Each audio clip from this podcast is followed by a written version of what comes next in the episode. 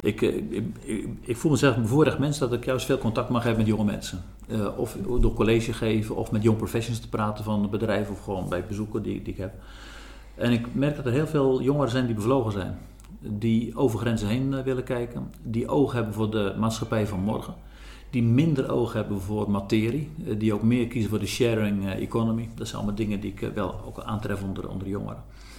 Ik heb zelf het gevoel dat het goed als je jong bent en je hebt een leven voor je, dat je jouw eigen leven, jouw carrière, jouw werk, jouw belangstelling zou kunnen verbinden aan een veel breder geheel. We hebben het gehad in dit gesprek over de Sustainable Development Goals. Ik merk dat er heel veel jongeren zijn die, die die dingen op gaan pakken.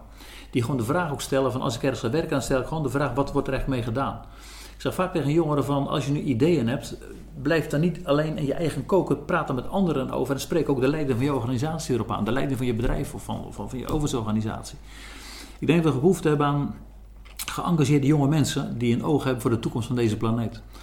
En ik denk dat we deze planeet beter kunnen maken. Het kan ook helemaal fout gaan. Het kan niet mooier maken dan het is. We hebben een, een wereld die te maken heeft met een nieuwe economie. Met disruptieve ontwikkelingen, met nieuwe technologie.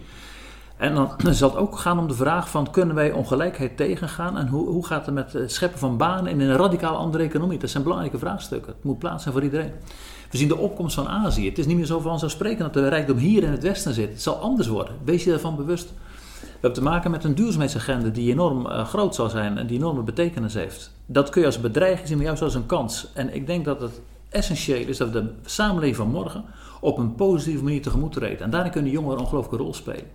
Juist de oog te hebben voor het bredere geheel.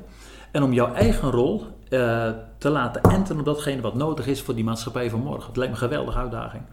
En ik denk ook dat, uh, te midden van alle onzekerheden die er ook zijn, uh, dat jongeren ook enorm veel kansen hebben. Als ze kiezen inderdaad voor een maatschappelijk perspectief als ze kiezen voor de toekomst, als ze oog hebben voor, nou, laat ik maar zeggen, solidariteit en renmeesterschap.